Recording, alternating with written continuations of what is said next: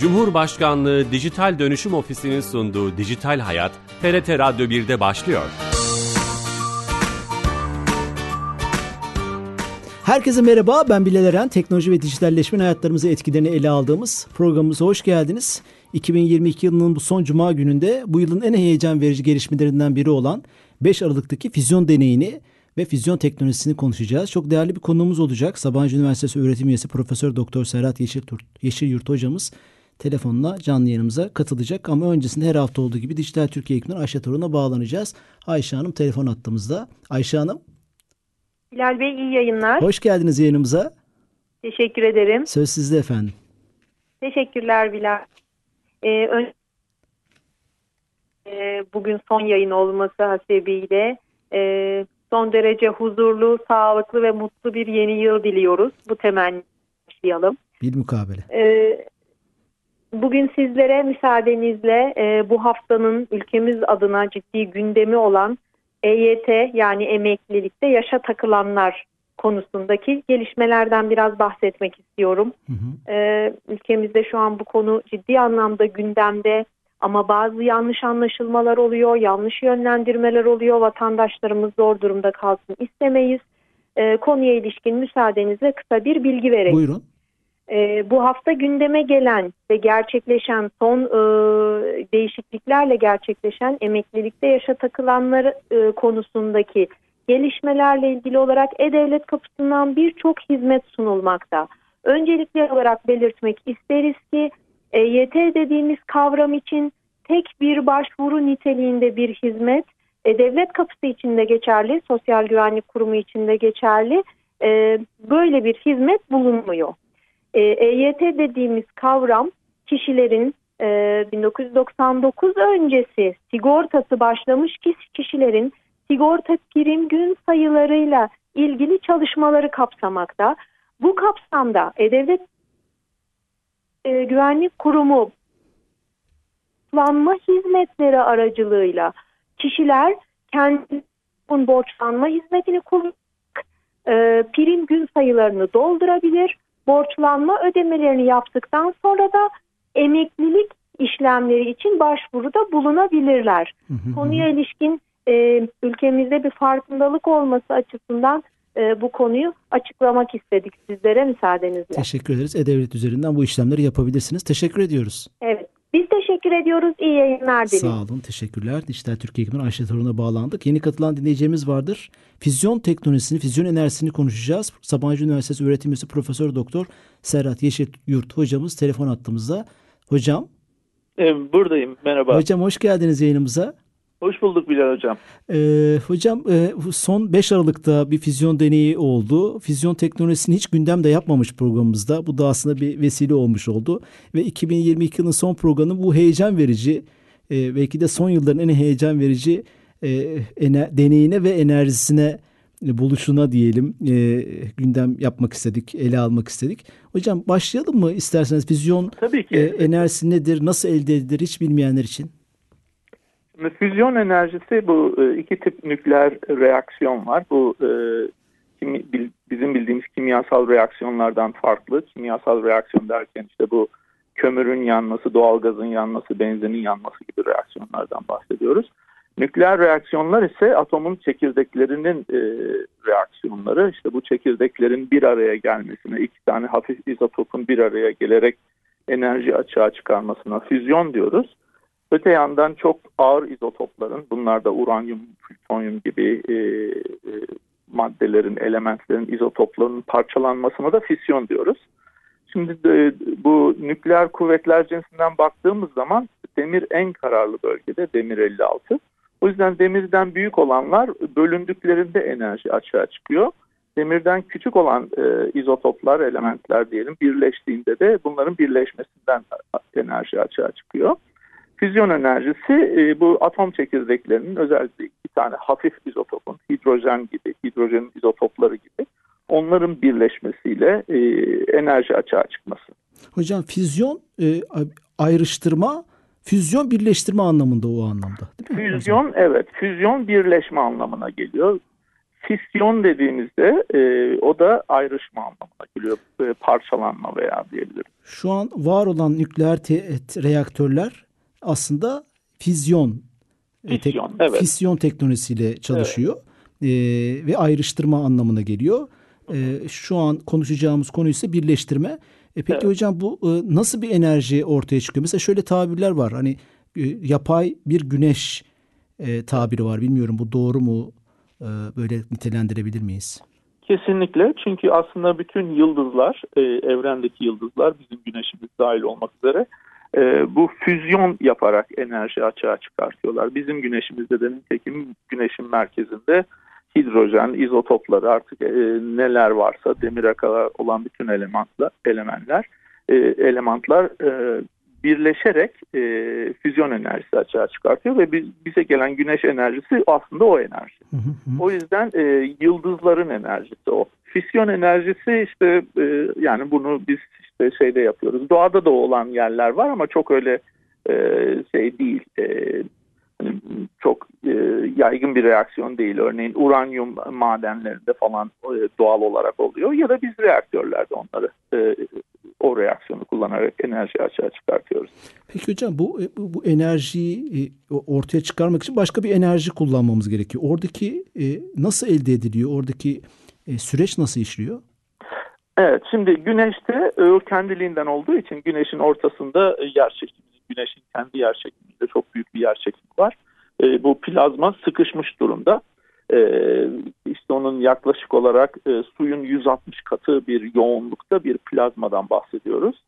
E, ve e, sıcaklıkta işte birkaç milyon derece olduğu için e, orada e, bu kendiliğinden oluşuyor ve kendi kendine sürdürülebilir bir şekilde reaksiyon yaparak enerjiyi açığa çıkartıyor. Ama yeryüzünde bunu yapmak için e, şimdi füzyonun olabilmesi için e, bu yoğunluk önemli. Ne kadar çok e, bahsettiğim gibi işte güneşteki 160 e, suyun 160 katı 160 gram bölü santimetre tip yoğunluğa çıkmış bir plazmadan bahsediyoruz. E, ondan sonra sıcaklık önemli çünkü sıcaklık parçacıkların hareketini belirliyor. De ne kadar süre bir arada durdukları önemli. Şimdi yeryüzünde bunu tekrarlayabilmek için e, güneşteki yoğunluğa ulaşmak ancak patlamalarla meydana geliyor. Bu arada hidrojen bombaları da aslında biraz e, birer e, füzyon örneği. Hı hı. Tabii orada kontrol etmek diye ses, bir şey söz konusu değil. Yani e, e, askeri amaçlarla e, tasarlanmış e, bir şey.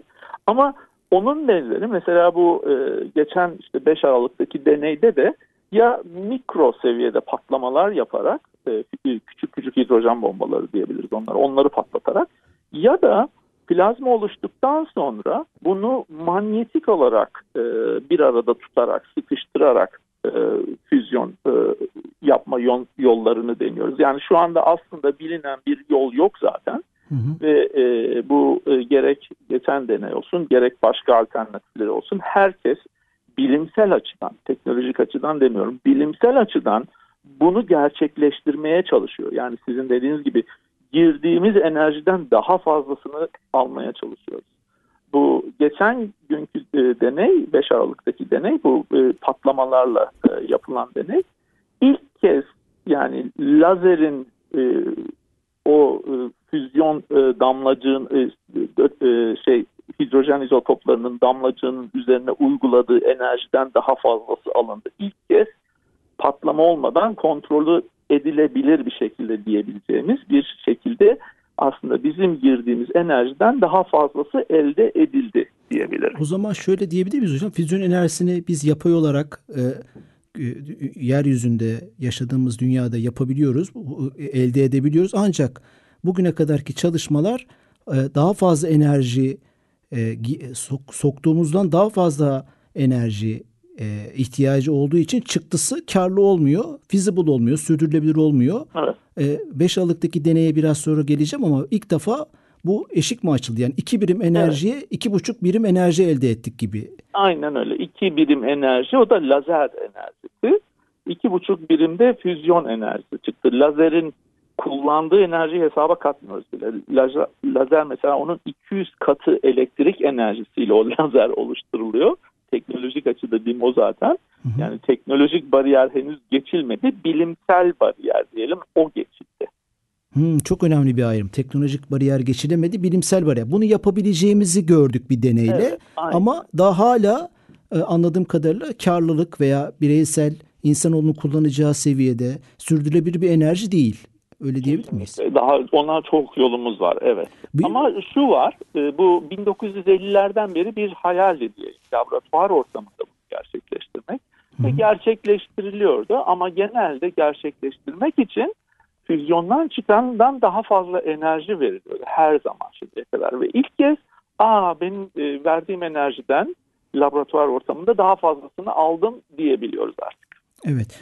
Hocam ben tarihçesine soracaktım. Bu yeni bir şey değil anladığım kadarıyla. Ee, geçmişi var. 1950'lerden bahsettiniz. 70-80 yıllık bir mücadele, bir tarihçesi var diyebilir miyiz aslında bu bilimsel mücadelenin diyelim? Kesinlikle. Zaten bu ikisi de yani füzyonda füsyonda bu 2. Dünya Savaşı'nda başlıyor. Askeri amaçlarla kullanımdan dolayı. Tabii askeri amaçlarla ortaya atılıp biz bunu e, daha e, barışçıl amaçlarla insanlığın faydasına kullanmaya çalışıyoruz diyeyim. İşte bombalar patladıktan sonra ya biz bunu enerji de üretiriz diye laboratuvar ortamında denenmeye başlanıyor. Tabii füsyonda bu çok çabuk başarılı oluyor. İlk reaktör şıkır şıkır çalışıyor. Çünkü o daha kontrol edilebilir bir şey. Orada e, zorluklar daha kolay aşılabiliyor.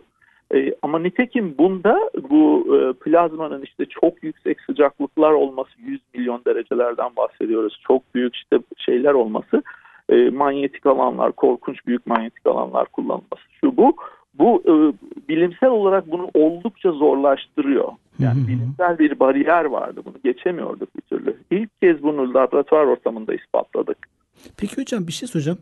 Bu e, ana zorluğun sebebi iki izotopu ayrıştırmak kolaydır, birleştirmek daha zordur diyebilir miyiz? Çok basitçe.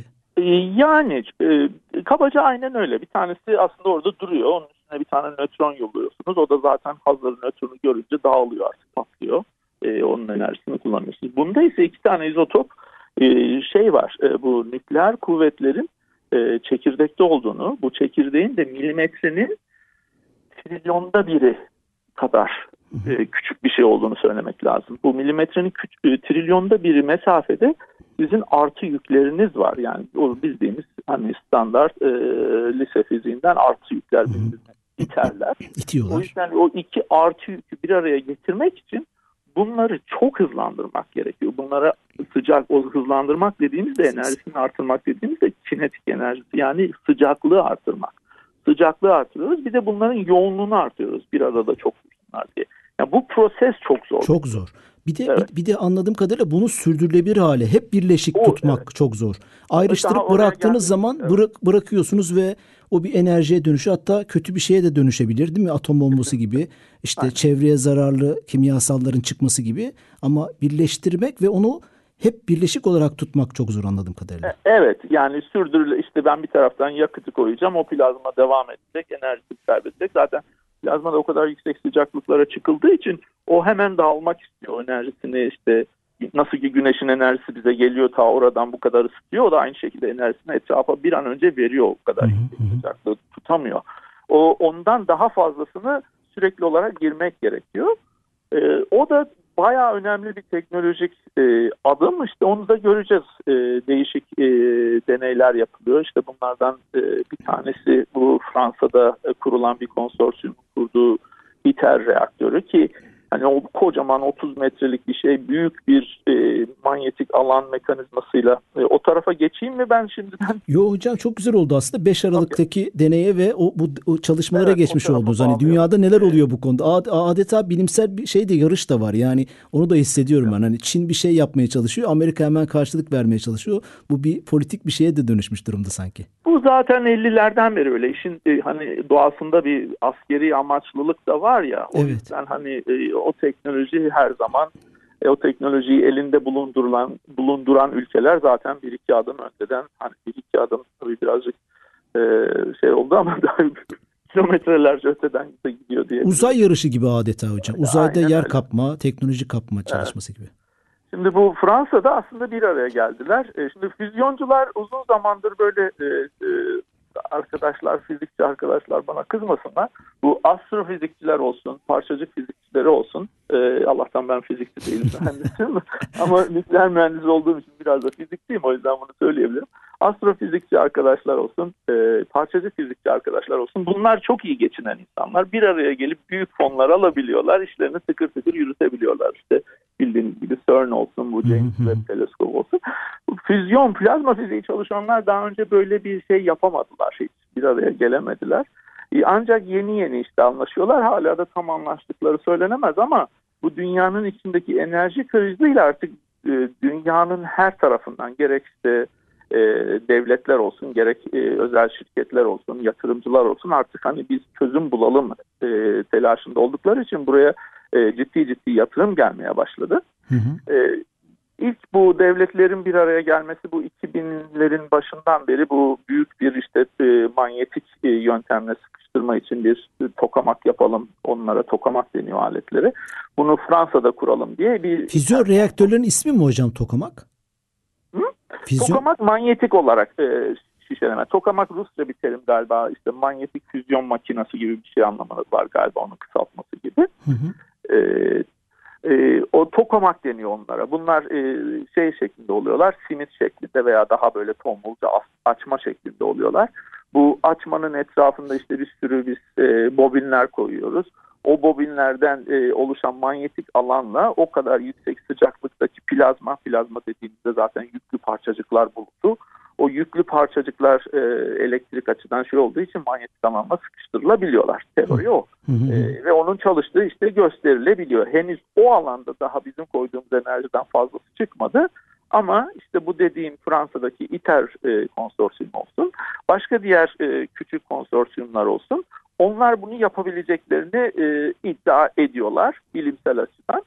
E, ve olabilir gözüküyor yani bunu kabul ediliyor bu.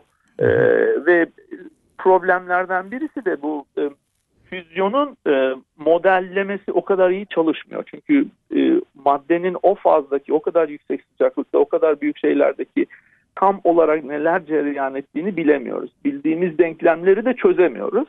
Öylece işte yaklaşımlarla gidiliyor diye. Yani mutlaka deney yapmak gerekiyor ki bir yere varılsın. Peki hocam. Ve şu an o aşamadayız. Bu 5 Aralık'ta çok da belki bilmiyorum halkla ilişkiler veya bir PR çalışması mı? Medya buna çünkü hem dünyada hem ülkemizde acayip işte büyük e, puntolarla sayfalarına taşıdı. Belki bu konuda da bir şey olabilir yani halkla ilişkiler çalışması gibi. Bu arada yeni katılan dinleyiciniz vardır. Tekrar edeceğim. Sabancı Üniversitesi Öğretim Üyesi Profesör Doktor Serhat Yeşilyurt hocamızla füzyon deneyini ve teknolojisini konuşuyoruz. 5 Aralık'ta ne oldu hocam tam olarak? Bu 5 Aralık'ta bu Amerika'da e, bu tamamen Amerikalılar. Bu başka ülkeler yok bu, bu burada. Çünkü bu e, birazcık başlangıçta da bahsetmiştik. Bu küçük hidrojen bombası patlatma diyebiliriz buna. Kocaman bir e, küresel bir e, odacık var. Bu birkaç metre çapında e, 4-5 metre hatta. Buna 200 tane lazer var bunun üstünde. Her bir lazer e, bir oda, noktaya odaklanıyor odak noktasında da eksi 250 derece gibi bir şeyde diyeceğim bir e, e, suyun e, izotopları bulunuyor. Bu, bu lazerlerin amacı var. ısı vermek değil mi hocam? Isıyı milyonlarca evet, dereceye evet, çıkarmak. Muazzam bir e, tamam. aslında ısı e, vermek. Bu donmuş e, su diyelim ama suyun izotopları var orada. O, e, aslında pardon su diye, diyemeyiz çünkü oksijen yok. Donmuş hı hı hı. hidrojen izotoplarına 1-2 milimetre çapındaki bu lazerler odaklanıp işte 2 megajül kadar enerji verdiler. Şimdi bunun sonucunda da bu parçacık birdenbire bu kadar lazer gelince bunun ince bir de kabı var, kabuğu var. Bu kabuk birdenbire genişleyince içindekini sıkıştırıyor. Tamam. Implosion dedikleri tamam. sıkışarak patlama. O sıkışma sırasında işte yoğunluğa. Suyun işte bin katı yoğunluğa çıkılıyor. Ee, oradaki yoğunluk hı hı, hı. bir e, santimetre kübü bir kilogram olacak şekilde. Böylece var. birleşme oldu mu arzu ettiğimiz? Evet o kadar yoğunluğa ulaşılınca ve onca ısıda işte bir milyon derecelere ulaşılınca Şimdi, orada e, füzyon devre. Hocam son iki dakikamız kaldı. Bir şey soracağım. Şöyle bir şey okudum. Bu ortaya çıkan deneyde ancak bir kettle'da bir çay, bir su işçisi su ısıtabiliriz. Tabii. E, o kadar çok, küçük. çok küçükmüş evet. bir deney. E, onu... Bu kilowatt saat e, mertebesinde bile değil. Yani bir kettle'ın e, yarım saat çalışmasına ancak denk gelir. Ama bilimsel deneyler böyledir. Sonra mühendisler devreye girer ve çözüm üretip bunu bireysel olarak kullanım içinde sorarlar. Son 30 tane bireysel kullanım için öngörünüz var mı? 2040, 2050 böyle bir şeyiniz var mı hocam? Bireysel, bireysele değil de ticarileşmesi evet. 2050'lerde füzyon reaktörlerini görmeye başlayabiliriz. Bu, bu, bu her şeyi değiştirir. İnanılmaz bir şey değil mi? Büyük bir gelişme değil mi? Şimdi 2050'lerde başlarız ancak 2100'de herhalde bütün enerji altyapımız ona dönecek. e, bu bir buçuk derece hikayesinden e, iklim e, krizinden müthiş kurtulmuş kurtul, oluruz. Hem de temiz kurtul, evet, temiz bir enerji. Potansiyel olarak çok büyük potansiyeli var o konuda. Hocam konuşacak şey çok. Sizin de bilginize muhtacız ama süremizin sonuna geldik. Ama ana çerçeveyi konuşmuş olduk. E, ağzınıza sağlık, bilginize sağlık.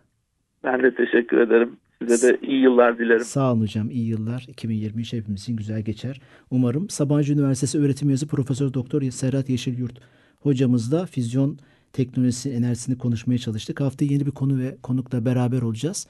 İyi hafta sonları. Hoşçakalın.